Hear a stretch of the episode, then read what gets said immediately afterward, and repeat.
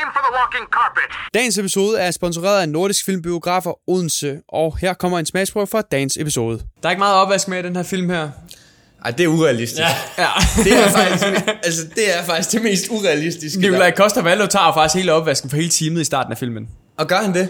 Ja, han beder mig om at gå, og så er der rent, når, der, når det kæresten er også en, Maggie øh, kommer. altså, det er også en køkkenchef gør. Det er også urealistisk. altså, det er virkelig også urealistisk, at uh, køkkenchefen går ud og tager opvasken. Ja. Hvem, hvem tager så opvasken med jer? Jamen, det gør køkkenchefen faktisk også. Men det, det, er mere, det er mere et spørgsmål, om vi kommer råd til at ansætte en opvasker endnu. Så øh, det gør jeg lige pt.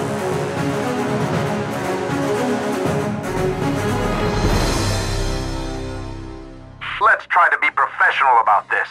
Jamen goddag og velkommen til denne uges episode af Filmhulen, hvor vi øh, hopper i det gastronomiske og hopper ned i madverdenen og snakker om filmen Smagen af Sult, som øh, har premiere i dag, hvis du lytter til den her episode på premieredagen. Så har den premiere i dag den 24. juni. Men drenge, hvordan har I set den så, hvis den først har premiere i dag?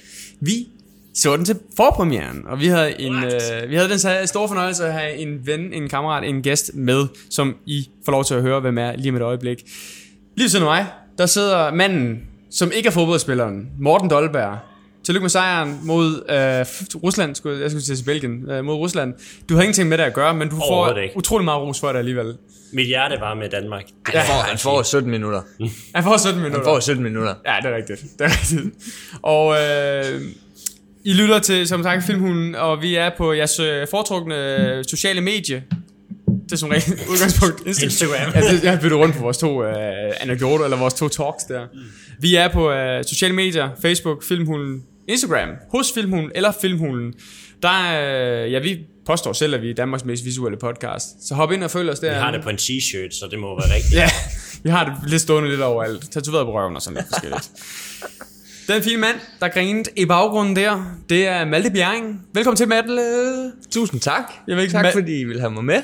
Det var altså en fornøjelse at have dig med i biografen. Ja. Vi kommer frisk fra den store sal, den mørke sal. Yes, vi er lige kommet ud og, og har det lidt som om, vi har været i en kælder i et par år og kommet ud i solen igen, efter ja. at have sat i halvanden time biffen. Præcis. det bliver ret mørkt ret hurtigt. Ligger i en kælder i mange år. Se sollys for første gang. Ja, det var faktisk lidt hårdt at komme ud. Var sådan, man følte sådan en muldvarp der. Sådan, åh, solen der Ja, var det var, skarp. det, var, for, det var faktisk lidt ligesom at ligge i en kælder i... Ja, okay. Ja. We get the point. You get the point. Jeg er fra Sønderjylland, så det er nok derfor, jeg trækker den reference. Okay. Nu er vi i gang. Øh, Malte, for uden at være fra Sønderjylland af, så er du jo chefkok på restauranten Værsat her i Odense. Du må meget gerne øh, sætte nogle ord på, øh, hvem du er, og hvor vi sidder lige nu.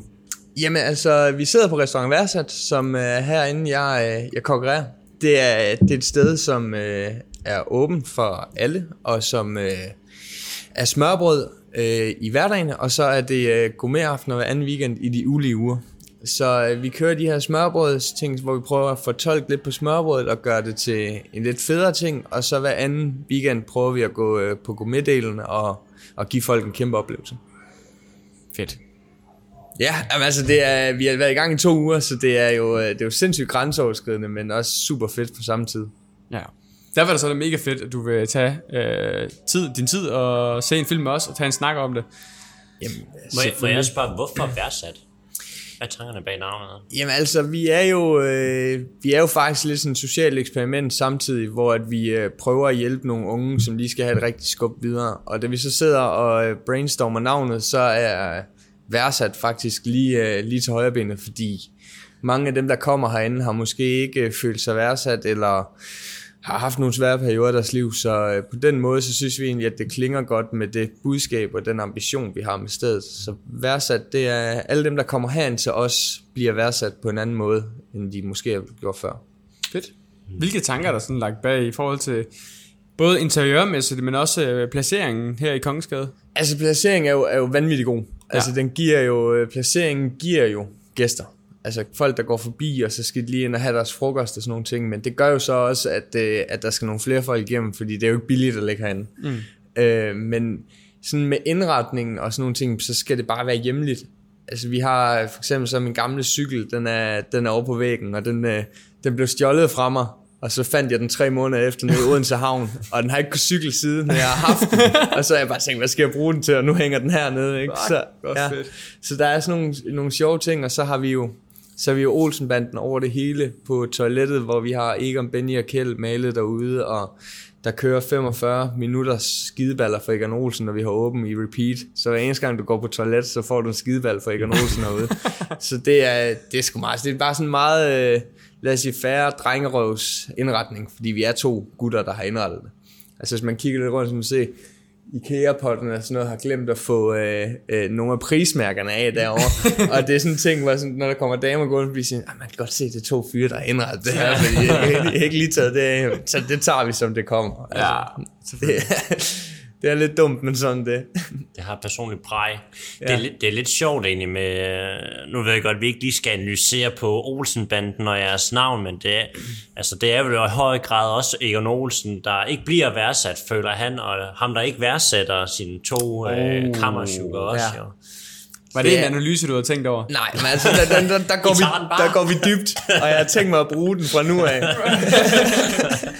Hvorfor er det, der er, hvorfor er, det, der Ja, er nu, nu skal I høre, jeg Ja. kender en landsholdsspiller, der engang har fortalt mig. Kender I Kasper er det ikke ham, men ham den anden? Er det en sjov historie? Han har, en, øh, han har ikke en bror. Nej, wow. Men hans skjulte, øh, glemte tvilling, Ja. der laver podcast i stedet for. Det er også fint nok. ja. Der er også noget nationalt over at lave podcast. Jeg er også fysioterapeut, så er det lidt det her fys og fodbold, Det er ret nok. kan man sige. Ja, men hvis du drager den kobling, altså, så den må du gerne få. Jamen øh, Malte, endnu en gang øh, velkommen til. Tak.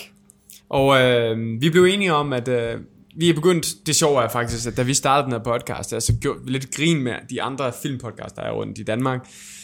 Og det var, det oftest blev en øh, meget lukket øh, hule, meget lukket klub. Og øh, det var altid sådan noget, deres gæster, de havde alle mulige dumme navne, og kælenavne og titler. Nu er vi selv faldet i den grøft der. Så øh, øh, filmhulen Ja, ja, udnævnte smørbrøds guru. Ja. Øh, det, er det var det, du mente. Nej, ja. Ja. Og den, og den er jeg glad for. Ja, godt. altså, den er jeg i sende med. den er jeg virkelig glad for. Jamen, øh, vi, vi tog jo fat i dig, fordi at vi skulle snakke øh, om den her Smagen af Sult. Og øh, lige kort, Smagen af Sult, ny dansk film. Nikolaj Koster i hovedrollen. Det er nok det, det, sådan det bærende element for den almindelige dansker derude. For de lidt mere filmtekniske, så er det Christoffer Boe. Jeg bliver nu omtalt herre Boe, som instruerede den. Hvor øh, en lille fangirl som mig bliver rigtig glad for at læse, at øh, Tobias Lindholm har haft en lille finger med i spillet til den her film her. Inden I øh, når videre herfra, så skal det lige lyde, at øh, vi øh, spoiler ikke noget, før vi siger, at vi spoiler noget. Så I får lige en struktur. Intro, det er vi kommet igennem. Konkurrence, det kommer vi til lige om lidt. Hvad synes vi overordnet om filmen? Det er spoilerfrit. Så kommer vi lidt ind på det her med madbranchen. Altså filmens tema. Og øh, som herr Boe selv siger, øh, når kærligheden går på kompromis for drømmen. Og det leder så over i spoilersnak og afsluttende ord. Så rankerer vi filmen, og det gør vi på hvordan, Morten? Skal den som VHS-bånd på loftet? Skal den bare streames? Købes på Blu-ray? Eller skal den i all of Fame, Hall of Fame. Den husker du lige, Malte, ikke? Den husker jeg. Ja, godt super. Det er mig, der tager den næste gang. Ja. Lige, meget, lige meget, folk tror derude, så er det mig, der laver den næste gang. Og så så du vi af med at afslutte, med afslutning. Uh, ja. Må jeg lige øh, stille et spørgsmål, fordi nu kigger jeg rundt. Ja. Og øh, jeg ser jo et bowling-tema herinde, og jeg ved ikke, om I kan gætte, hvad det er, jeg tænker på her. Men til dem, der øh, har prøvet aftenbowling, vil jo vide, at øh, der Og er en særlig på- kejle. Ah, du tænker på en rød kejl. Ja, og hvad er det, der sker, når man vælter den røde kejle? Dreng, hvad sker Så- der? Og der var en strike. Så er der shots. Så er der en shots. Ja. Kører I noget, eller Her, altså, det er lige til dem, der er derude, fordi de, er jo, de kan jo ikke se det, nu er I jo Danmarks Så må de jo komme. visuelle Ja. podcast, ikke?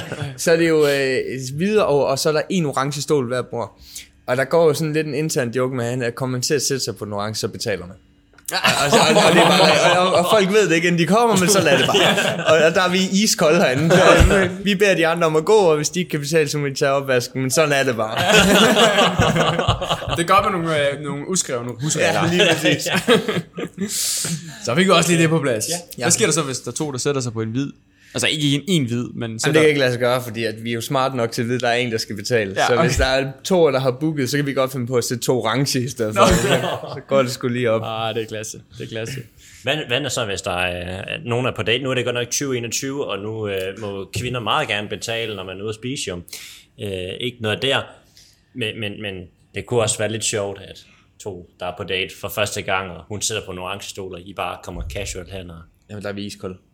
Ja, men vi er fuldstændig kolde. Det, det er sådan, det kommer til at være.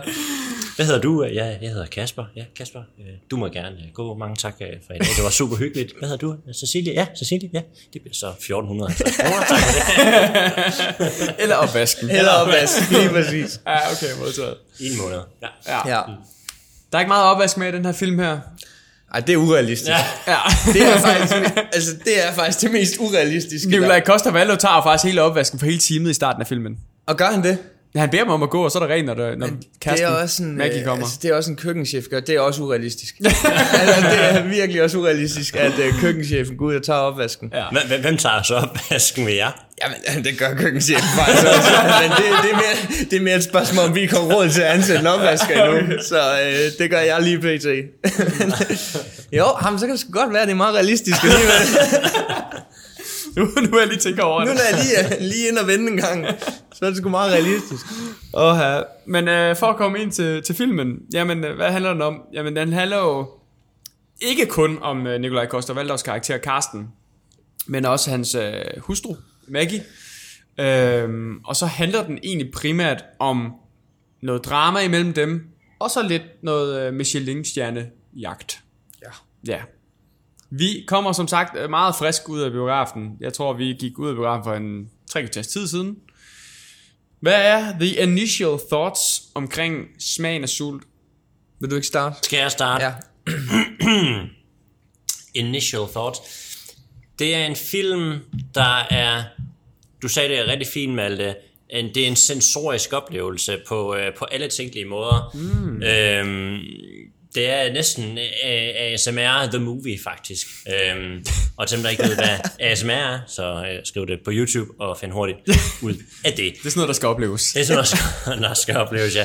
Og, øh, og fordi den er så sanselig, så øh, er det en film, man har svært ved at fordøje. Ej, hvad? Okay. Der starter den. Ja, Skal vi lave en counter, eller hvad? Ja, du, det, er, det, er, det, er en, det er en film, der, der er svær lige at... at Tyk. skal tykke lidt på den. den er svær for... Nej, øhm, jeg springer det bare det Man over. bliver, faktisk. man bliver mættet af følelser. Nej, men øh, man Den skal... gør det også selv, vil jeg sige. En Ja. ja. kapitler i smagsoplevelser. Ja. Ja. Nogle gange. Ja, det kommer vi tilbage til. Men det er en film, som man skal bruge noget tid på lige at forstå. Og få alle aspekterne med. Der er nogle ting, der er meget åbenlyse fra hele den her sådan meget øh, sanselige måde at lave mad på til øh, deres lille skuespil her, de, øh, de har for at gøre tingene lidt mere spændende nu, og de ikke er så meget sammen, og her snakker vi om mand og konen. Øh, det, er meget, det er også enormt sanseligt, den kemi, de ligesom prøver at skabe der Ja. i det øjeblik. Og, og, og det er der egentlig hele vejen igennem filmen i, i højere og mindre grad, men det kommer jeg også tilbage til. Så, så det vil sige, sådan, det, er en, det er en film, der enten skal ses flere gange, eller hvor man lige skal bruge noget tid på at vende den op i hovedet nogle gange, fordi ellers så får man ikke det hele med. Og, og selv nu, hvor jeg sidder og tænker, der er nogle ting for mig, der ikke giver mening, blandt andet det med, med, med kapitelopdelingen af øh, øh, sødt og salt og øh, hvad hedder det, fedt og varme. Nej, okay. Øh, Nej, fordi det gør den nemlig ikke, fordi det hedder jo øh, surt, salt, umami, ja. bittert. Hvor, øh, hvor i starten, der startede de med, at det hedder surt eller sødt, og så tænker jeg, nå, så kører de jo de fem smager. Men det gør filmen nemlig Mhm. ikke. De springer på en, på en lidt anderledes måde, end jeg havde regnet med. Ja. Fordi at jeg tænkte bare, nu tager de, nu tager de følelsespektret og blander det sammen med en kokkefaglig spektrum, og så kører de den vej. Men det gør de nemlig ikke, fordi de her blander fedt og varme og så videre. Mm. De blander lige netop sensorik ind i den der faktisk også på en anden måde. Okay. Øh, fra et mm. kokkeperspektiv.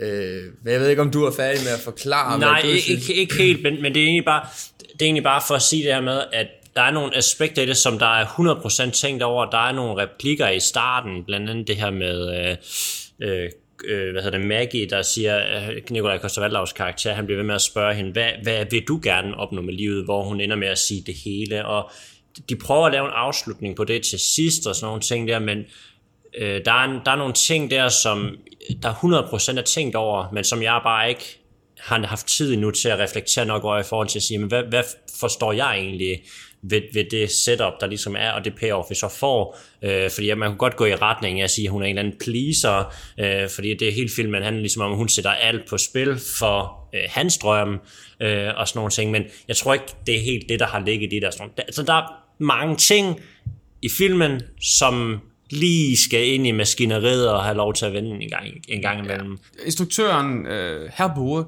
øh, lægger mange ting, der skal til hævning mm. hos, øh, hos, hos seeren. Det var, det var, det var en af de dårlige lagt.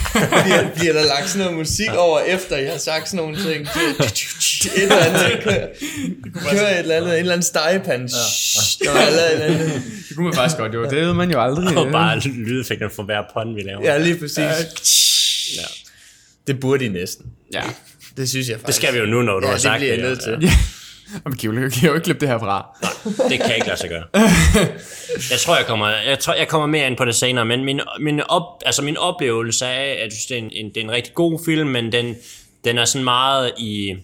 Ja, ja det er sgu svært at, at, at, at beskrive, men altså, jeg, sy, jeg synes, det er en god film, men der er også nogle ting, som jeg ikke forstår, hvorfor man har valgt at, at tage de beslutninger, og dem vil jeg gerne vente med at snakke om, til vi når dertil. Ja, ja. god idé. Ja. Men du var faktisk gang med noget ret interessant derovre med kokkens smagsnuancer og filmens kapitler. Ja, altså filmen fanger jo faktisk mig rigtig hurtigt, fordi at, at vi går i gang, og jeg synes faktisk, det er sådan meget lige på og hårdt. Og det er nok også den måde, hvor, hvorpå at, at, at jeg kan måske sætte mig ind i det der med, hvis man starter med at se ham anrette noget, øh, og så giver han det videre, og så er der nogen, der smager på det. Ikke? Og man kan se i hans hoved, at, at der er en idé omkring det, han står og laver, og så er der en bedømmelse. Og det er jo lidt det, som mit erhverv det er hver dag. Øh, så den fanger jo en for branchen rigtig hurtigt, mm. fordi at du lige hurtigt er i det moment af eksamen, som, han, som filmen jo faktisk handler om. Ja. Øh, så for mig, der synes jeg, at den, den fanger mig rigtig hurtigt, at det så bliver det her øh, spil mellem kærlighed og karriere og sådan nogle ting i løbet af filmen. Det kan også godt blive lidt for meget, og filmen den fylder virkelig på ja. af det. Men jeg synes, der er nogle virkelig sådan fede ting, som jeg tror, man lægger mærke til som kok. Maggie er jo en, en hotdog, og en hotdog vil og kan alt. Mm. Så at hun har den her idé om, at hun vil det hele, er faktisk hotdoggen i sig selv. Og så er hotdoggen jo også bitter, sød, salt, alle de her ting. Så at hele filmen trækker op på den måde, hvor den starter med hotdog, og ender med hotdog. Ja.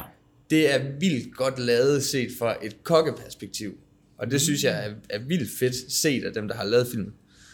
Ja, det der den forløsning, du, du lidt manglede. Vi, vi snakkede lidt om det, og vi, vi gik egentlig lidt videre med den, da vi stod nede i parkeringskælderen efterfølgende, fordi så fik vi faktisk snart snakket det her med, at at, at selvom den er det her, altså folk de ser ned på hotdoggen, selvom det egentlig er den, det, det er den mest optimale sammensætning af ja, alle smagene. det er den nemlig. Øh, hvor at Nikolaj Koster karakter, han går så meget op i, øh, i at lave det, maden skal bare være så perfekt som muligt, og hotdoggen skal være så perfekt som muligt, og der er ikke nogen, der kan lide det lort, den ja. laver, og så går de ned og, og, og tager den ned ved... Øh, ved, ved, ved den lokale, ja. i stedet for, som så står foran øh, de tre ord, øh, som jeg selvfølgelig ikke lige kan huske, men det er, øh, den har jeg lige sagt lige nu, men det er jo det, der beskriver, den, det, der beskriver filmen.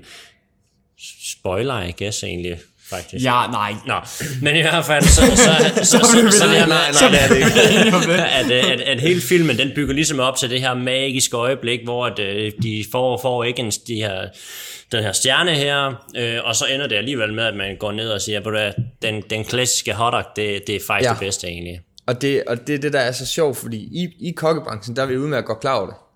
Altså, du, du rammer de her smage med hotdogs. Det er også derfor, der er DM i hotdog. Der er alt muligt, og folk de prøver. Men du har bare de her smage i det, og at filmens omdrejningspunkt i virkeligheden er en hotdog, det synes jeg er genialt. Mm. Altså, det er, det er så godt set øh, i hvert fald fra kokkeperspektiv, så kan man så sidde og sige om, om filmteknisk og sådan, den normale seer lægger mærke til det. Det tror jeg ikke, det kan godt virke lidt underligt at Ja. sidde. Hvorfor mm. snakker de så meget om hotdog? Men det er derfor, den er med.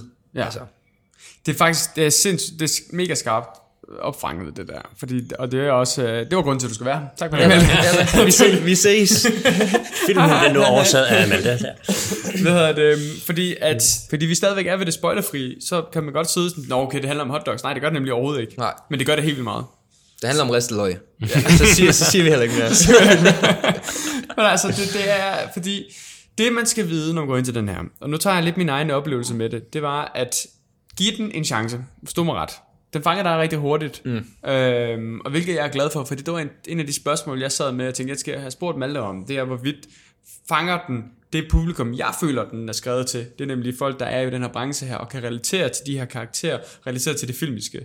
Øh, men som ser, som almindelige danskere, almindelige filmgåere, så, øh, så vil jeg sige, giv den en chance, fordi det kan godt gå noget tid. For mig personligt tror jeg, der gik en time, for jeg egentlig helt vidste, hvor vil den hen, den her film her. For det introducerer mig først for, okay, første scene vi ser, det er Nikolaj Costa Valdov, det er faktisk den scene, der er med i traileren. Han går meget, meget, meget op i sit, sit håndværk, han går op i sin mad, og vi får meget hurtigt introduceret for den her klassiske, okay, vi har en kok i en film, han skal helst gerne smide med noget og kalde folk nogle fucking idioter. Ja. Det gør han inden for de første 10 minutter. Så de der ting bliver sådan pleaset ret hurtigt, og jeg får noget, altså bogstaveligt talt, altså food porn Ja. i starten af filmen. Og så tager den en drejning, som jeg tror, vi alle sammen kan genkende til, som vi måske ikke helt har forventet. Du teaser lidt med, at det har noget med noget kærlighed at gøre. Jeg var lidt mere forberedt på det, efter jeg læste et interview med Christoffer Boe, hvor han siger, at det handler mere om facaden bag til, end decideret mad. Øhm, det skal man lige være forberedt på, og det skal man lige finde sig til rette i, for nu har man lige sat sig i det her med maden. Og så kommer vi over det her, som ingenting med maden, som sådan har, gør, har, har med at gøre. Øhm, og så kommer de her kapitler, som måske lidt kan forvirre serien til at starte med, hvor er vi henne tidsmæssigt. For vi hopper lidt frem og tilbage i tiden, og hvordan vi opdeler det. Når vi er i nutiden, så bliver det opdelt i timetal, altså klokkeslæt. Når vi er tilbage i tiden, så er det smagsnuancer. Så vi hopper lidt frem og tilbage i tiden. Men giv din chance, for lige pludselig personligt, øh, min egen oplevelse, det var, at lige så fanger den bare. Hvor jeg går fra at tænke, den er okay, den her film her. Den er flot skudt, den er nogle flotte farver, de har virkelig, virkelig, virkelig kælet om den her film her, som man gør med mad. Men lige pludselig så har den mig bare. Og så er sådan, der var den. Det var virkelig sådan en følelse, jeg havde sådan, der var den. Nu, nu kan jeg rigtig godt lide den her film her. Ja, og den, altså, jeg synes også, at selvom, selvom at den måske ikke handler så meget om det, jeg havde regnet med, det skulle handle om. Mm. Fordi jeg havde jo regnet med, at vi skulle se, i virkeligheden på en eller anden måde, se en koks kamp i køkkenet om at komme op og få, eller ikke få, Michelin-stjerner. Hvor at de er utrolig lidt i køkkenet i forhold til, hvad jeg havde forventninger om, Ja. da jeg gik ind og så filmen. Og det gør noget andet ved filmen, end jeg havde regnet med, at jeg skulle ind og se, og det gør den ikke, det gør den ikke dårligere, fordi der bare er nogle andre parametre, jeg bliver nødt til at forholde mig til, fordi at man kan ikke genkende til rigtig meget af det, der sker. Så på den måde, så synes jeg faktisk, at filmens øh, drejning i sig selv, fordi altså, det ikke bare bliver food porn, du er inde og se, når du selv nævner det udtryk, ikke? altså, øh, det bliver det nemlig ikke. Der kommer noget mere dybde, og der kommer en eller anden form for anden fortælling ved siden af, som også er fed, synes jeg. Ja, Den er relaterbar, nu ved jeg ikke, om, om jeg er gået videre, men det gør du bare. Ja, det synes jeg, den er. Altså, jeg synes virkelig, altså man skal huske på, at rigtig mange i vores branche arbejder meget, og vi er jo, altså vi er jo sindssyge egoister.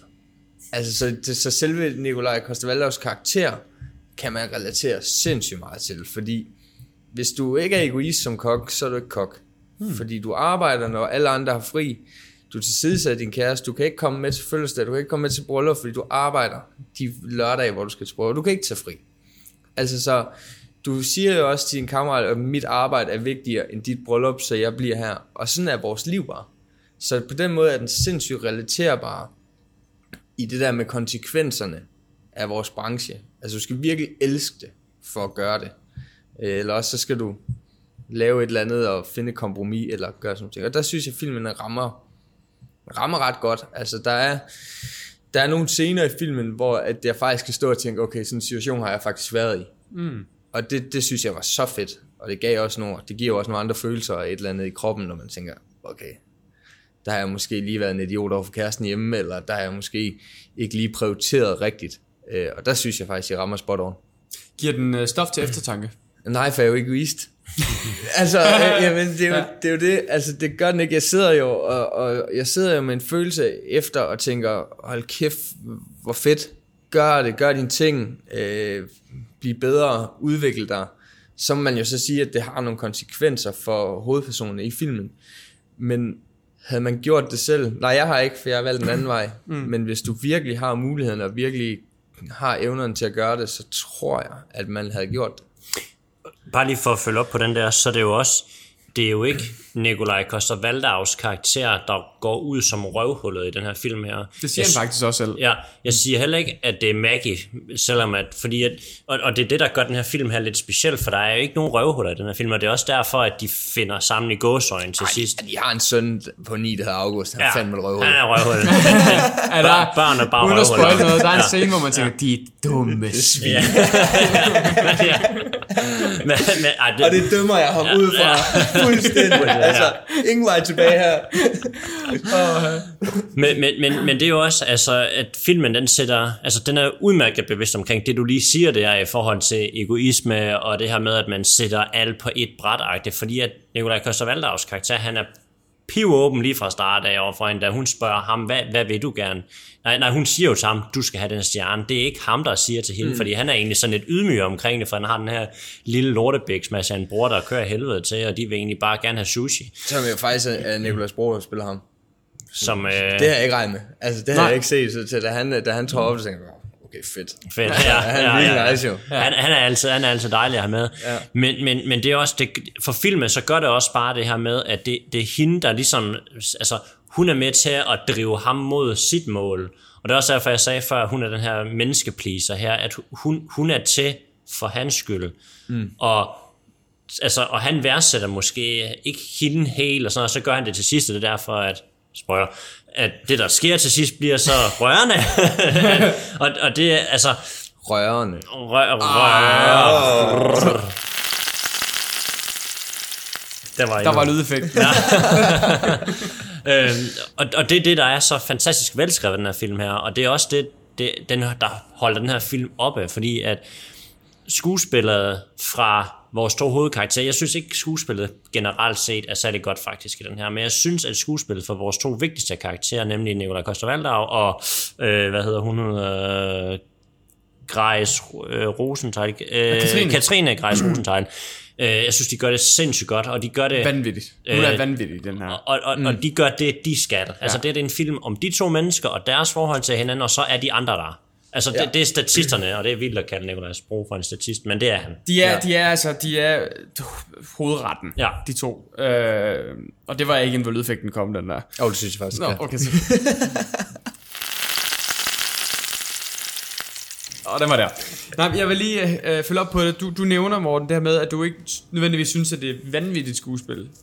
Jo, altså fra deres to, Nå, okay. okay. ja, ja, nej, jeg synes, det er fuldstændig Okay, vanvittigt sku- godt skuespil. Ja. Jeg sagde, at fra de andre Ja. er, virker skud. Det kan også være det, fordi de to de spiller så vanvittigt godt, at det smelter lidt de andre.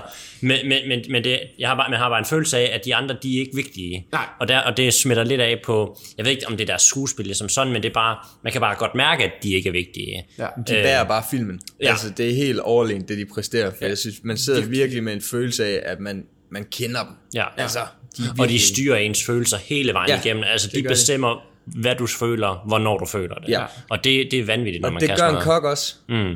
Ah, Og der er en igen jo, altså det er jo det med sensorikken. Altså den her film bygger på virkelig mange sanser. Og det gør, altså jeg arbejder med sensorik hver eneste dag. Jeg placerer dufte, jeg placerer følelser hos mine gæster, jeg placerer visuelle ting, som I skal give jer en fornemmelse. Altså der er jo ikke noget, som hvis I, I siger til mig, åh, oh, den her æblekage, den smager som min mormors. Det er jo en følelse, jeg sætter i jer. Mm. Og det er jo også den måde, filmen er opbygget på. Mm. Og det er jo, man kan se i starten sødt og sådan noget, men de følger jo de der følelser. Så der er igen noget kokketeknisk, som man måske ikke lige lægger mærke til, hvis man ikke ved det, ikke?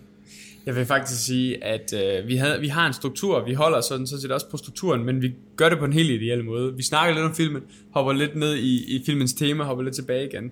Øhm, vil I være okay med, at vi faktisk siger til seerne, eller lytterne derude nu, at nu begynder vi at hoppe ind i spoiler territory? Meget gerne. Ja. Ja, det skulle vi nok have sagt Ja. for Han, 20 dør, han dør til sidst. Han begår simpelthen selvmord. Ja. Det er simpelthen så mærkeligt. og, altså, det er Batman, I tænker på her. Ja, præcis. Ja, præcis, ja. Han hopper direkte ned i en pølsevogn. Og det I hørte der, det var simpelthen sponsklokken, fordi jeg lige afbrød episoden her for at knytte nogle ord til dagens sponsor. Dagens sponsor er Nordisk Film Biografer Odense, som har været så venlig at invitere os i biografen for at se dagens film. Og det gjorde den anledning af, at vi rigtig godt kunne tænke os at motivere jer til at tage biografen for at støtte jeres lokale biograf. Tag eventuelt ind og se uh, Smagen af Sult, det er jo en god anledning til at lige at, at følge med i vores episode, for når nu vi skal snakke om spoiler lige om et kort øjeblik. I kan hoppe ind på vores uh, sociale medier, Facebook og Instagram og deltage i vores konkurrence om to gange fribilletter til Nordisk Filmbiografer Odense. Og nu hopper vi tilbage til dagens episode. Hvad hedder det? Øhm, fordi jeg kunne rigtig godt tænke mig i forlængelse med snakken om skuespillet, fordi jeg, jeg giver begge to fuldstændig ret i, at de her to, de er, øh, altså Nicolai Koster og så Katrine Greis Rosendal her, de er altså fuldstændig vanvittige i den her, de her roller her. Øh, kemien imellem dem er, det er, det er lang tid siden, vi har set så god en kemi mellem to, øh, en mandlig og en kvindelig skuespiller i dansk film. Vi har haft rigtig mange gode, det er slet ikke det, men kemien på den, i den her film her, at vi snakker, altså A Star is Born, øh, mm. Lady Gaga og Bradley Cooper niveau. Øh, men det jeg var mega imponeret over, og noget jeg faktisk tænkte rigtig meget over, da jeg så, øh, da jeg så, da jeg så filmen, da vi begyndte at se den, der tænkte jeg rigtig meget over, gud, får vi lidt at vide af de her to mennesker. Vi aner overhovedet ikke, hvem de er. Altså sådan, hvor kommer Nicolai Coster Valdauer fra? Vi ved, at han måske har haft en lidt semi-hård... Øh, Det er du faktisk ret i. Ja, vi ved, at han har været i Japan i 10 år, Ja. men vi ved ikke sådan helt præcis, hvad det er. Han fik stukket en kniv i hånden, og blev han fyret. Ja. Heldigvis var det hånden og ikke brystet, han blev fyret- i. Men øhm, vi ved utroligt lidt, og vi ved endnu mindre om hende. Ja. Men vi føler, at vi kender dem. Og vi føler, som Morten siger, jamen der er ikke nogen af dem her, der er røvhuller. Altså, de gør begge to noget lort. Vi kender vel deres følelser. Præcis. Ikke? Altså, fordi vi, vi ved jo ikke, vi kender jo ikke deres fortid, altså øh, overhovedet. Mm. Øh, så man, man kender jo deres følelser, og så, så lærer man jo mennesker at kende ud for det, og det er jo vildt præst, skuespillerpræstation, hvis man kan det, uden nogen baghistorie. Ikke? Mm. Ja, og så er det måske også utrolig godt øh, håndværk i forhold til øh, filminstruktør og manuskriptarbejde. Altså det her med at skrive en historie, og så basere den udelukkende på, at det skal være sanser, oplevelser og følelser, der skal bære den her film hele vejen igennem. noget Ligesom til. Ja, ligesom, for jeg, også sige, jeg har også negative altså, ting at sige. Nej, Ja, men det, det, fordi- det, lyder som om en roser den bare, det var den bedste film. Ja, Ja. fordi der, der er to primært negative ting for mig. og Den ene, det er sådan lidt en primær del af filmen, og det er sådan set dens... øh, Det er sådan set dens Lorteplot. Det er de sidste 45 minutter. fra Batman dør jeg, så kan jeg bare overhovedet ikke koncentrere mig faktisk. Nej. Jeg sidder bare stadigvæk, når filmen slutter. Hvorfor var Batman med? ja, hvorfor er han med?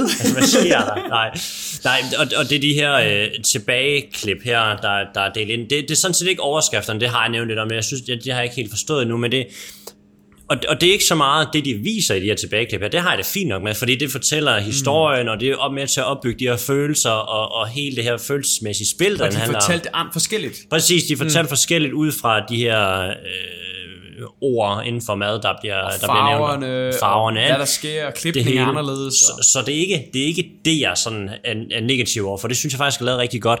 Det, der er problemet ved, at man segmenterer sin film, det er, at du har lige pludselig meget, meget kort tid til at fortælle rigtig, rigtig, rigtig meget og skabe følelser. Altså, hver gang vi får et segment, så skal du egentlig starte forfra på rigtig ja. Mange ting. Mm. Og det gør bare, at man ikke når at, at, hvad kan man sige, får det hele med nødvendigvis. Øhm, så det vil sige, at ham Frederik, han, han går med flere gange, men jeg tror, jeg fatter overhovedet ikke, hvorfor er det, at Maggie føler noget som helst for ham. Og, og, og det, det sker, øh, fordi at Nikolaj Koster karakter, hvad er det egentlig, han hedder? Hvorfor? Karsten. Karsten, ja. Genialt Øh, navn. Ja, Altså, hvis man skal finde øh, en Michelin-kok, så skal han det. så skal, så skal, det skal han da. Ja. Øhm, og, øh, og, og, og hvad kan man sige, de, de, altså Maggie og Carstens forhold til hinanden, det, det er så, som lige har snakket om, det er så stærkt til hinanden, så den der øh, Frederik, der kommer ind i billedet, som, som skal være den her unge, øh, lidt yngre måske, lidt spændende fyre, og man kan godt forstå, hvorfor det er, at hun måske finder noget tiltrækning til ham, fordi at hun måske føler, at hun ikke bliver stimuleret øh, helt som hun ønsker i et forhold, fordi at der bliver lagt så meget fokus på maden, og han snakker ikke om anden mad og alle de her ting her, men jeg føler det bare ikke.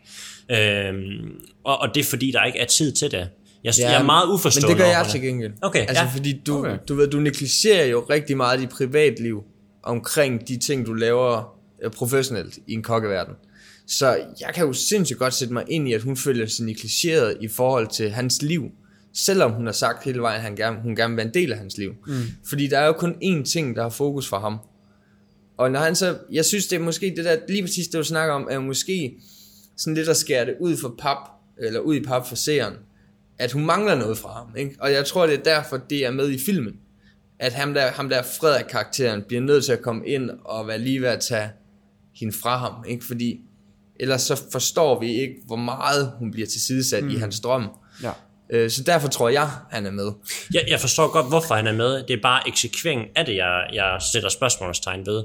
Fordi at man kunne sagtens have, nu siger jeg sagtens, jeg kunne overhovedet ikke gøre det her. Det er meget vigtigt lige at, for, at sige det, jeg kunne overhovedet ikke gøre det her, men man kunne godt have fortalt det på en anden måde, hvor at jeg havde været mere altså forstående over for det. Men det er jo en, det er jo en balancegang, og det er også derfor, jeg, jeg, for mig fungerer det bare ikke, og fordi, for andre vil det fungere fint, fordi at, så skulle man også strukturelt mæssigt lave om på filmen, og så ville den få et andet fokus, fordi der er et kæmpe fokus på øh, Carsten og magisk, for, magisk forhold, og man bliver nødt til at lidt at shoehorn Frederik igen for, som du siger, for at få den her forståelse af, hvor hårdt er det egentlig for Ja. ja. Hende, hvad er det for noget, hun offrer, øh, og hun føler måske ikke, hun er den person mere, som hun gerne ville være, og alle de her ting forstår jeg godt, øh, men, men, det, det er mere prioriteringen af den, der, der bare ikke rammer mig. Øh, Det bliver også lidt uforløst. Mm. Øh, fordi nu snakker vi spoilers. Det er det her med, at man bliver ligesom klar over i en enkelt scene, hvor, øh, hvor Maggie hun er på vej væk øh, fra restauranten, fordi Carsten er taget hjem. Han ligesom får at vide, ved du hvad, du har arbejdet hele natten, tager du hjem, så tager vi den herfra. Og så går han der, hun derfra, for hun har ligesom handlet ind til, til, til børnene, som øh, madpakke, tror jeg det er. Og så siger Frederik, tag nu med i byen. Og så siger han et eller andet citat med, at mm. nogle gange så handler det om at stoppe med at drømme og håbe, og så bare leve nuet.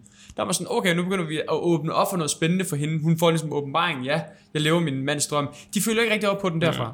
Den bliver bare bygget op som, at hun skal have noget, noget. Ja, men jeg synes, der, jeg synes også scenen, hvor hun, hvor hun glemmer madpakkeposen på øh, dansegulvet. Ja. Altså, det er jo sådan en symbolsk scene på, Ja, hun glemmer. hun glemmer alt, der ja. er rundt om hende, ikke?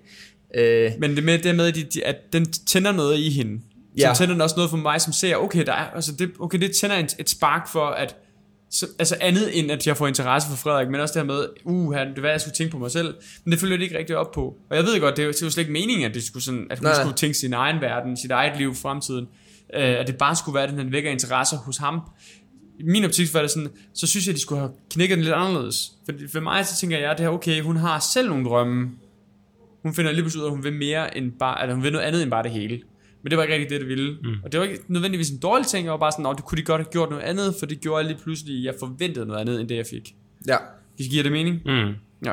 Fordi vi, altså, vi- forstår godt symbolikken i, hvad det betyder for hende, øh, men bare, det er bare for at forstå, at, hvad, hvad du siger, Lars, men mm. det er det her med, at du regnede med, at nu skulle man gå lidt i hendes retning. Altså hun skulle begynde at åbne op for, hvad er det, hun gerne vil, og de gør egentlig det modsatte. Hun går egentlig tilbage til, jeg støtter dig, Carsten, og undskyld, og alle de Ja, ting. der her. synes jeg også, den scene, der er, hvor, man, hvor hun, det går op for hende, hun, altså, den, er, den er også voldsom for mm. at få det med i filmen. Altså, det, det er jo lidt ligesom om, at de har tænkt, okay, hvad gør vi, fordi vi har, de her, vi har det her 10 minutters gap, mm. vi skal have en til at komme tilbage til Carsten hurtigt, vi har ikke tid til at gøre til en længere historie, hvad gør vi? Og så, så sker der noget, det er jo en spørg, altså, øh, drengen der bliver væk, Ja.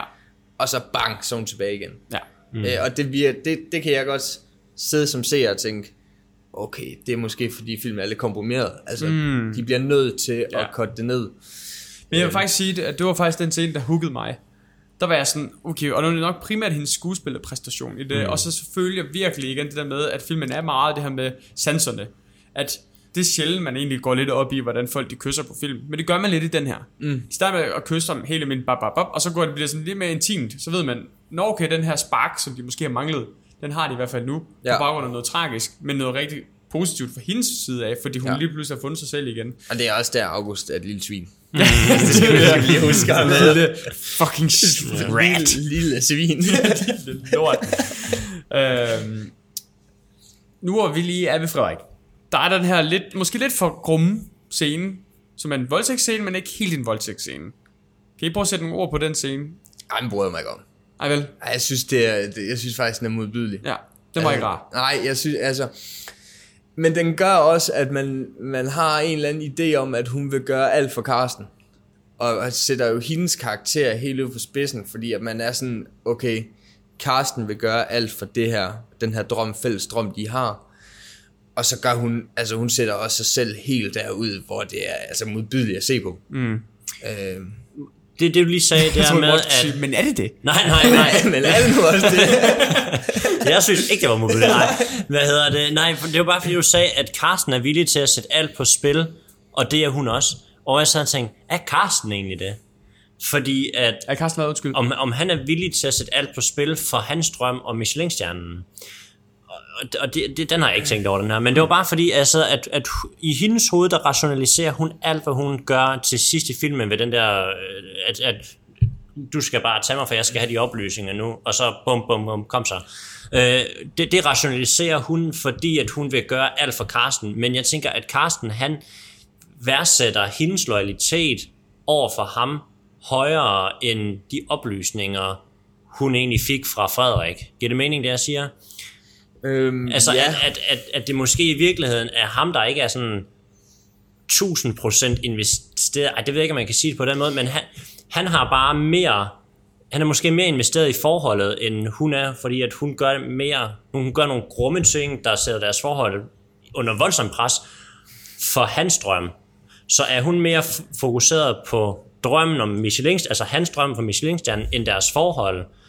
Og, og den, den sætter de også lidt på spidsen, der er jo, fordi Frederik kan konfrontere hende jo med det, hvor hun egentlig vælger ham, men så gør hun det ikke helt alligevel, fordi han jo, altså Carsten, han begynder at... det tror jeg også er karakteren. Jeg tror også, du sidder og føler en medlidenhed med hende. Mm. Altså, hvor man har sådan en følelse af, at, øh, at Carsten er egoistisk og skælder ud på sine børn, og er i, i de, de øjeblikke lidt øh, et røvhul over for sin familie, ikke? Hvorimod at hun, man får jo hendes historie, hvor man tænker, hun går igennem rigtig, rigtig meget, for mm. at de skal opnå det her sammen. Men jeg, jeg synes, øh, jeg synes Carsten offrer lige så meget. Og det er jo fordi, jeg, jeg kan relatere mm. til personen. Jeg kan jo sige, jamen han, han skælder sine børn. Han er jo, altså, han er jo sindssygt, altså, han er jo en sindssygt presset mand igennem hele filmen. Altså, han er jo vanvittigt presset hele vejen igennem. Der er jo ikke nogen øh, mennesker, der skælder ud sådan på sin familie, hvis det ikke er, fordi man er presset. Mm. Og ja. den synes jeg også, de skiller godt med, at han, selvom han virker sådan lidt nonchalant og sådan nogle ting, så er han jo vanvittigt presset flere gange. Altså, han står jo flere gange og fortæller, at han ikke er god nok, og han, han er dårlig far, og han er alting, ikke? Og øh, han skælder ud og fyrer folk og kaster med ting og sådan nogle ting. Og det synes jeg skiller meget godt, det der med, at, at de har et fælles mål, og det er hans navn. Altså, det er jo ikke, det er jo ikke Maggies navn, der står på døren af restauranten. Mm. Det skal man huske. Det er jo hans navn, det er jo hans image, det er jo hans, og det synes jeg, I skiller godt. Ja. At hun så offrer lige så meget, som han gør privat. Det er jo sådan, sådan det, altså, det er jo sådan, filmen opbygger, sådan det er i historien. Med, med, med den øh, bro, kunne jeg godt tænke mig, at vi så prøver at Nik- snakke... Nicolas Bro. Nicolas hey. øh, Der kunne jeg egentlig godt tænke mig, at vi prøver at komme lidt ind på slutningen. Fordi at jeg føler, at det var en ret god sløjfe, de binder i sidste scene. Mm. Uh, jeg snakker ikke den her pølsevognscene, men jeg snakker øh, hele scenen med Michelin-stjernen. Jeg synes, det hele går op i en højere enighed. Og det er meget kliché, men det fungerer bare for mig mm. i den her film her. Med, det vinder ikke Michelin-stjernen, vi ved godt, at han vinder Michelin-stjernen. Man er sådan, den kører bare baggrunden stadigvæk, vi ved godt, der kommer til at Ja. ske eller andet. Så siger, kommer det, kommer, når vi til det øh, punkt, hvor vi skal uddelegere to Michelin-stjerner, og så er det så overraskelsen, og det er så deres restaurant. Hele den tale, som er fantastisk lang, ikke for lang, heller ikke for kort, men lige sådan tilpas længde. Fantastisk tale. Fantastisk tale. Ja. Som er sagt lige fra hjertet af, og utrolig velspillet af Nikolaj Koster Valdau. Altså sådan utrolig velspillet. Da vi snakker under, underverden, så snakker vi om, at øh, der Salim, mm. han, han græder på den måde, man græder i virkeligheden. Han græder ikke som Hollywood græder, men han græder, som man gør græder i virkeligheden. Det gør Nikolaj Koster Valdau også i den her. Han taler med en klump i halsen, og hans læbe den switcher. Han, han rammer alle de der noter der, hvor man sådan selv, selv begynder at føle, at mm. man begynder at Det er fordi switche. hans kokkeelev hakker løg ved siden af. Cry, motherfucker. øh, hvor var det her med det? Nå jo, yes. Øh, at, at, så siger han det der med, at det er ligesom det, der går op for ham. At Maggie har investeret øh, lige så meget af sig selv i det her, som han har. Mm. Og det, jeg synes, det går fucking godt i hånd i hånd, at de får to stjerner. Det var en for ham, mm. og det er en for Maggie. Men det er jo også igen et billede på, fordi der mister han jo presset. Nu har han fået den. Ja. Så går det op for ham, hvor meget hun har offeret, fordi i det sekund, han bare går rundt og har jeg presset, Ja. så tænker han jo kun på én ting. Nu har han den, så kan han se, hvor meget hans kone har gjort for ham. Ja. Og det synes jeg, det er jo en vanvittig fed tale. Mm. Altså ja. virkelig en god tale. Så går der også lidt Darth Vader i den. Nu kommer der en reference, jeg ikke regne med. Han siger jo, Darth Vader himself i A New Hope, uh, once you were my master, now, now you, once I was your, your student, now I am your master. Det er ikke helt det, han siger, men det er det, han mener. Darth Vader New Hope, ja, indsæt citat her. The circle is now complete. When I left you, I was but a learner. Now I am the master. Siger han ikke noget med, han hans far? Jo, det, det, det, det- det, nå, det, det er næste, det det, er næste samme. spoiler. for, uh, Darth Vader siger til Obi-Wan en gang, hvor jeg studerede, og nu er det mig, der er master. Okay. Det er jo også lidt det, uh, Nikolaj Koster Valdau, han siger til sin gamle lærermester. Han giver ham kniven og siger, ham der har kniven, vedkommende, det er 2021, vedkommende der har kniven, bestemmer. Og han siger til sidst, det er ikke, nødvendigvis vedkommende, der har kniven, der bestemmer. Jo, vedkommende bestemmer i køkkenet, men der er så meget mere omkring det, mm. end bare køkkenet. Og der var man sådan, bum, så fik du også lukket den bog. Ja. At han viser også den anekdote, vi fik i vide i starten, med hans lærermester, der fyrede ham. Du ved, det går meget igen, selvfølgelig er lidt i film, der handler om kokke, kokke eller øh, det madbranchen, også. at der er den her mentor her. Ja. Øh, og der synes jeg bare, det er mega fedt at se, at han har lært noget. Han er blevet klogere end sin master. Men det er også, altså det er enormt følelsesladet, altså det er næsten lige før man, nogen grad, Malte. altså, jeg, jeg var færdig. Det var det. Det var, det. Det var slet ikke en, det var slet ikke en øh, øh, hvad hedder sådan en, en, en, en, en protégering ud på, fra mine egne følelser. Nej. Altså, øh, Jamen, jeg, tror, jeg, jeg er en følsom mand. Ja, ja, ja. altså, Sådan- sådan, sådan sådan er- Frederik og mig, vi græder, når det sker stort. Ja. Men jeg tror, alle var ramt i salen. Også Ja. selv, der sad, sad vi var ikke så mange ind og se den, men, men dem, der måske sad der ikke helt, de synes måske filmen var så god. Jeg tror, den her scene ville ramme alle. Mm, ja. Og jeg tror, altså jeg sad sådan med hænderne op over, sådan, ja. Ja. med munden og var sådan, wow, det her det er intens, og wow. Men det er også, det er også kontrasten i, at man, man har haft det her enormt øh, tætte øh, forhold til, altså man, man har set det her øh, forhold i nutiden øh, være så passioneret og så sanseligt, og alle de her ting har vi jo været, vi har været, virkelig været tæt på i ja. filmen, øh, som de også vil. Og så, og så finder han ud af, finder han det her brev, og så, så går den bare over til, altså det sker i hjertet, der, hvor, når det er, at han begynder, altså skubber hende ud af døren og siger, jeg, jeg elsker dig ikke, og vi har ikke elsket hinanden i mange tid, og alt det her, fordi at det er ikke den, altså, Nej. det, det er ikke den oplevelse, vi har med det. Øh, og, og så vender han den i hans tale, hvor han ligesom ser hende som den hun er, kan man sige. Og, og, og altså, man, man, jeg forventer lidt, han har sagt, at der er kun én stjerne i det her rum, og det er dig. Altså, ja, Ja. Det, det, det, det, gik heldigvis ikke den vej. Men, men det var lidt... Det, Det var på vej. Det var på vej derhen af. Og, og, det, og det, det gør det bare så smukt, fordi at så er vi tilbage til den, den, den, hvad kan man sige, sanselighed, vi har været med til i starten af filmen, og det var en enorm smuk måde at, at komme tilbage på. Så har vi datteren, der øh, jo går i chok. Ja. Øh, hvad, hvad, hvad synes I om den? Jeg forstår det godt. Altså, fordi jeg synes, de får det etableret rigtig, rigtig fint. Øh, i, er det kliché? Ja. Men, men jeg synes, de får etableret det rigtig, rigtig fint, fordi de prøver faktisk at fortælle øh, hovedpersonerne, men også seerne, at hun, det er altså for real. Altså, hun har det ikke godt. Og det forstår vi egentlig også godt, fordi at på en eller anden måde, igennem de her flashbacks, gennem øh, nutid, fremtid, bagtid, mm. så, så ved vi godt, at det her det er stået på i lang tid. Ja. Det er ikke noget, der lige er kommet. Nej, men jeg føler sådan lidt igen, det er det samme som ude i skoven. Altså, der er ikke tid nok til at fortælle mm. historien, Ja, og ja. så falder datteren om, og så... Og, men jeg synes ikke, det var dårligt. Nej. Altså, igen, altså, det er jo bare fordi... Altså, til gengæld, den, den, den værste scene med datteren i filmen, er, da hun sidder bag da døren, da han går på knæ efter at smidt konen ud. Det, det, det skærer jo i et hjerte, ja. at hun sidder der og ikke... Og nu ved man jo, at det er hende, der har skrevet brevet, det finder man jo ud af. Nogen vidste det før andre. det er slet ikke det. Men med tanken om, at man ved, at hun føler, det er hendes skyld, så er det altså også virkelig en dyb scene. Ja, altså, også fordi man sidder samtidig med, Ej, nej, hvad råber de højt, jeg håber ikke børnene, de hører det her. Ja, og så ser vi bare, gud, hende der ikke måtte høre det, Hun sidder det. der bare, ja. ja. og følge skud.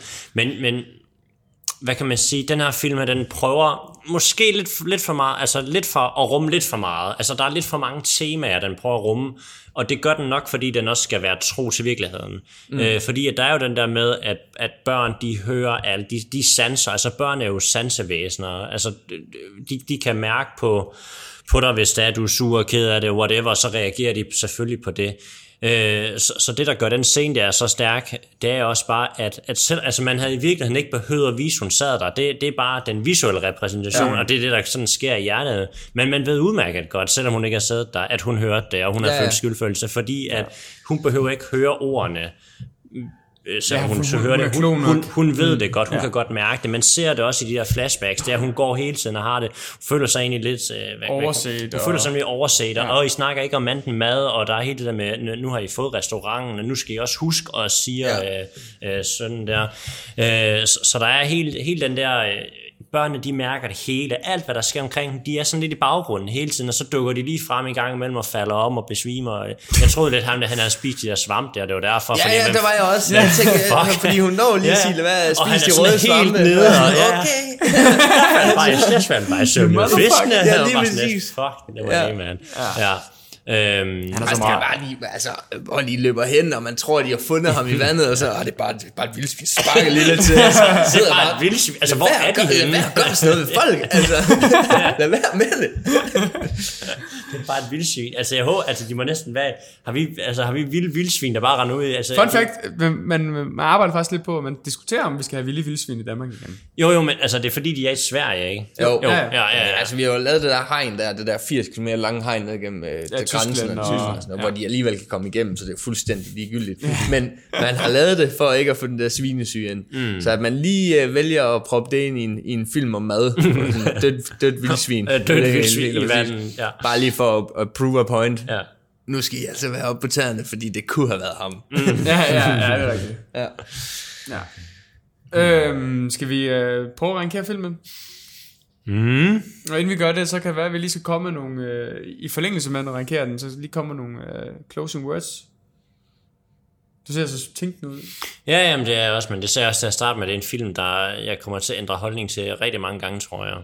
Øh, og, og det er nok fordi, øh, det, det ser jeg til dig, Malte, det var kommet ud, at, at det her, det er ikke en film, som jeg vil kunne se igen og igen, men det kan også være det, fordi jeg er, er, er nybagt far, fordi at den, den, den rammer jerndødt hårdt følelsesmæssigt, den her film her. Hvis det her det havde været en film omkring, hvis det havde været chef, så har jeg kunne se den 8.000 gange. Altså mm. hvis det havde været den danske udgave, chef, det er det heldigvis ikke, og den er Nej, helt nej. sin egen, og, og den gør alt det, den skal rigtig godt og sådan nogle ting, men den er bare, den er bare rigtig, rigtig, rigtig tung, og jeg, jeg havde ikke forventet det overhovedet. Så, så det der med, at, at det, jeg synes, det er en rigtig, rigtig god film. Det er, ikke, det er ikke en perfekt film, og den gør også nogle ting, som jeg har svært ved at beskrive, jeg ikke kan lide, men som nok bare er mig måske, der, der, der, hvor det ikke sidder rigtigt.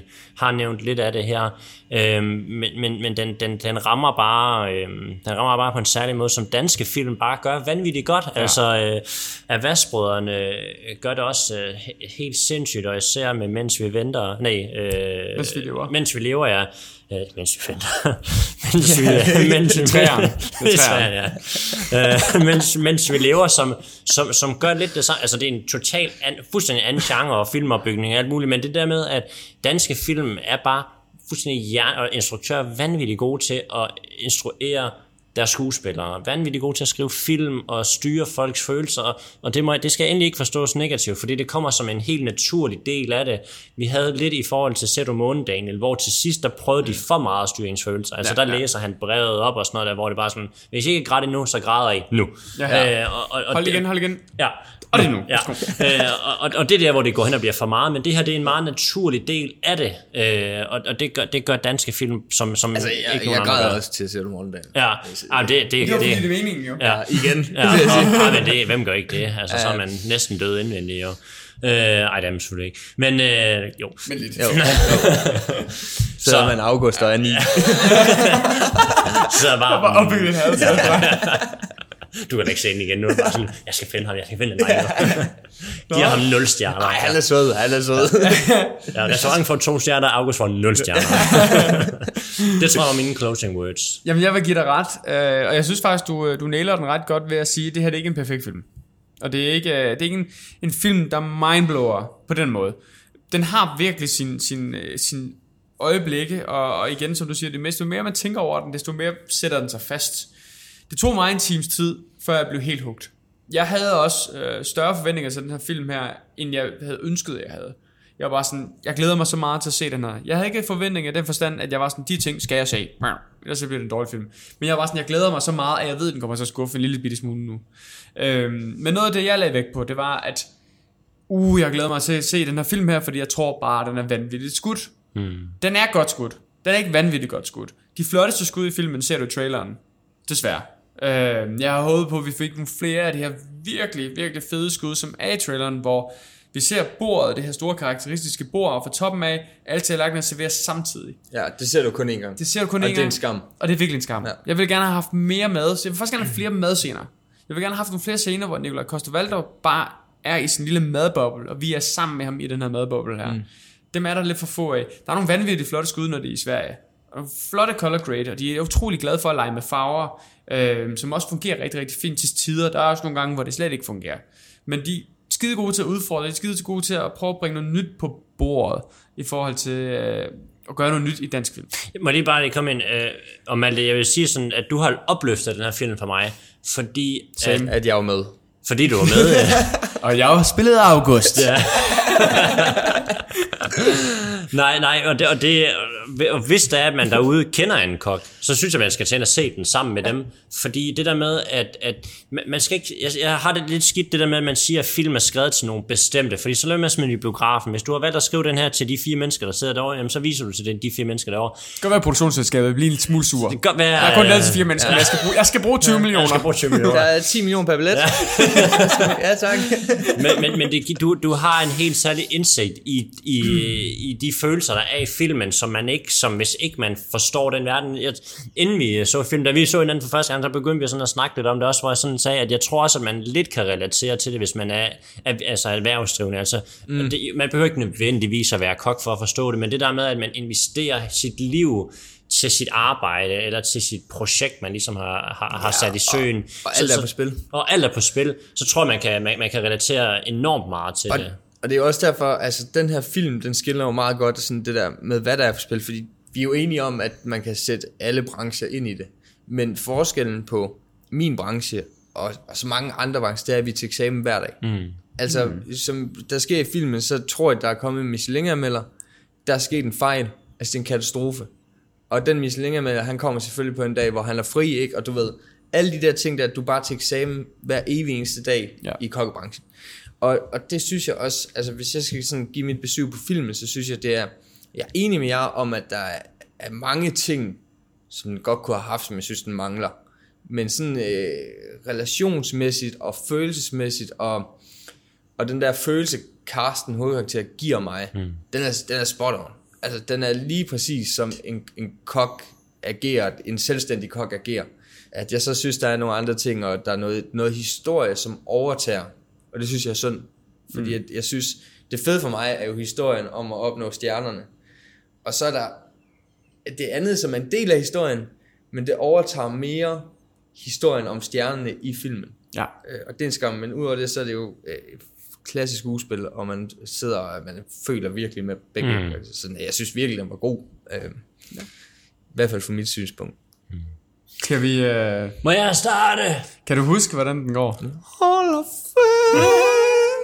Det andet kan jeg ikke huske. Jamen, så ved vi, hvor den ender Vi hen. gennemgår den lige. det er ikke dumme Hvis du skulle give din øh, stjerne mellem 1 og 1, hvor meget får den? Hvad hedder det? Nej, vi- den er egentlig meget øh, praktisk anlagt. Den er meget relaterbar. Skal den som VHS-bånd på loftet? Skal man øh, bare streame den?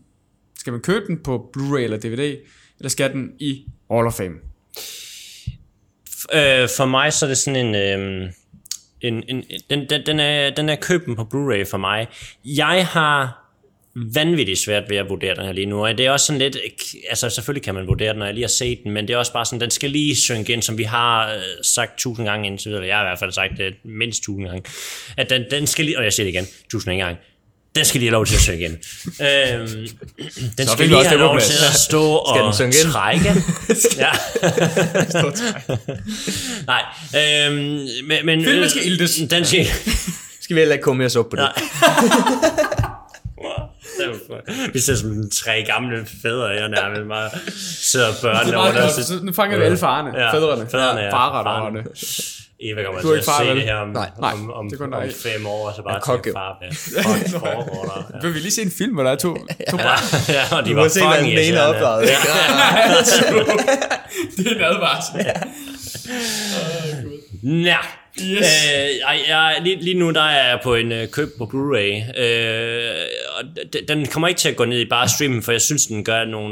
Altså, det, altså, der er klart flest positive ting for mig. Der er nogle ting, som er sådan ikke fanger, altså som, som bare ikke rammer mig 100%, men det er ikke langt fra nok til at trække ned i, i bare streamen for mig. Og, og ja, den når heller ikke op på Hall of Fame, fordi at, for Hall of Fame for mig er lige så meget min oplevelse af filmen, når jeg ser den, og ikke så meget det, det, de objektive ting i det. Det, det, det er lige så meget sådan, hvordan jeg har havde det undervejs i filmen.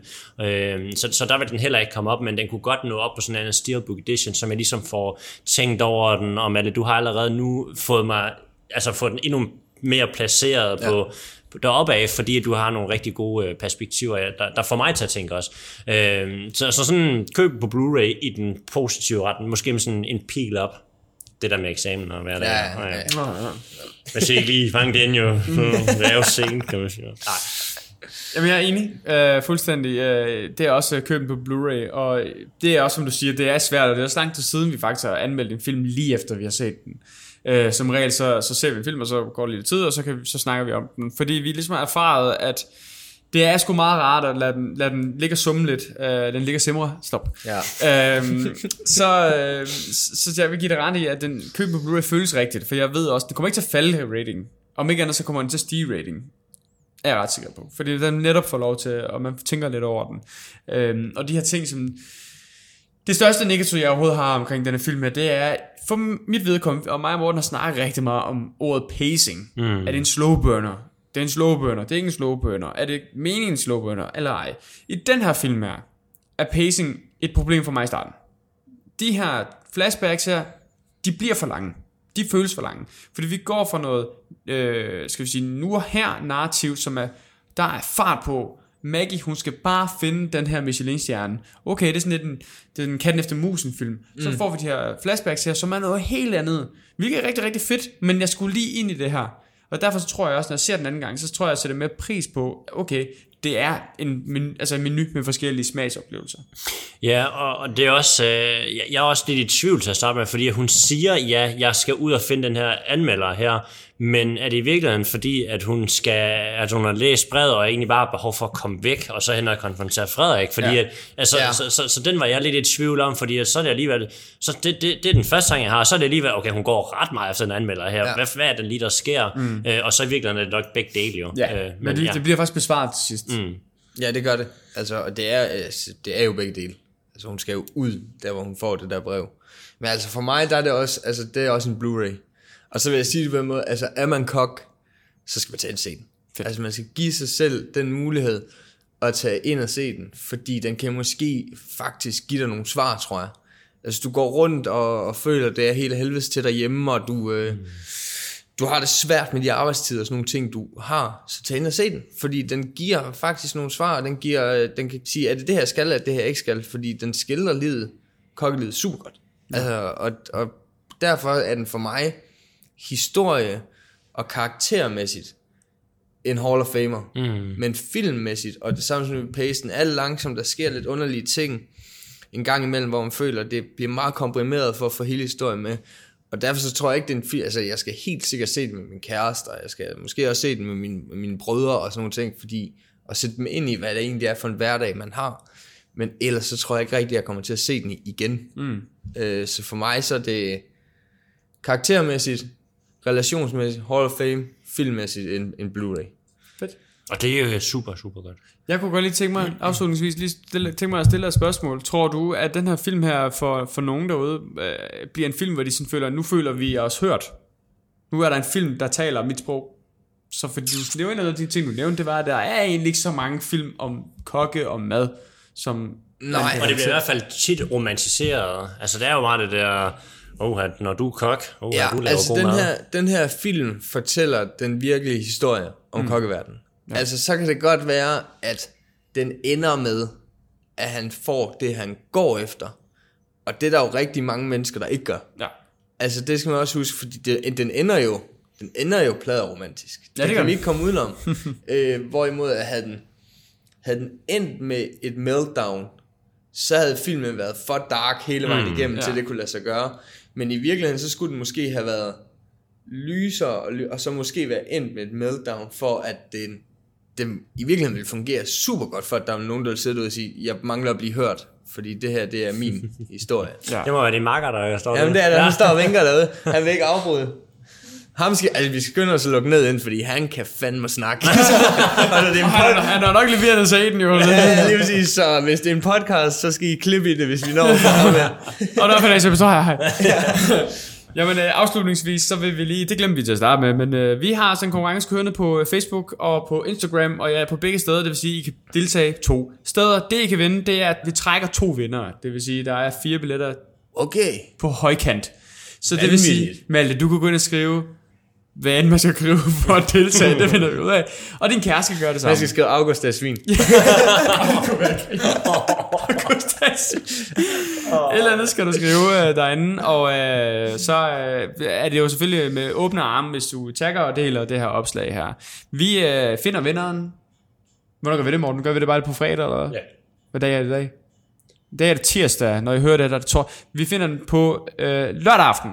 Bum! Det er, ikke- vi er ikke altid så forberedt, som du nok kan. Nej, men det er fint. Lørdag. Det blev lørdag. Og det er en ulig uge. Ja. Og der er vi jo åbne inden for restaurant Værsat. Lige på lørdag. Hvornår kommer det her ud? Gud, det er jo er torsdag. landskamp. Kommer det ud øh, på torsdag? Ja. På lørdag, der holder vi landsholdsarrangement hernede med optakt herinde på restauranten. Vi må ikke sende kampen, men vi holder optakt med specielt lavet smørbrød og billige øl og øh, recepten på repeat og hele pivetøjet. Så hvis man mangler noget at lave lørdag inden landskamp, så skal man komme herned til mig, så holder vi en EM-fest. Og hvor det adressen er. Det er Kongensgade 31B nede på restaurant. Og det kommer også i kommentarfeltet. Det gør det i hvert fald. Ja, tak.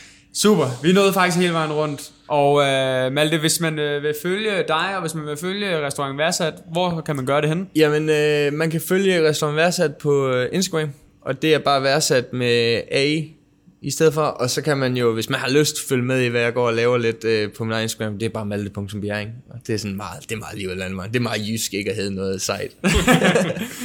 Som Dolberg. Så vil jeg Dolberg. Der er af den, Morten. Ja, ja. Dolberg er nummer 12, er det ikke det? Er det nummer 12? Er det nummer 13? Hvad er det egentlig? ja. Jamen, øh, så er der ikke andet at sige, at øh, I må meget gerne øh, gå ind og følge os på vores sociale medier, som vi sagde til at starte med. Facebook, der er det bare Filmhulen. Instagram, der kan I søge hos Filmhulen, som er vores profilnavn. Vi kan også godt søge Filmhulen. Malte, tusind tak. Tak fordi, fordi jeg måtte være med.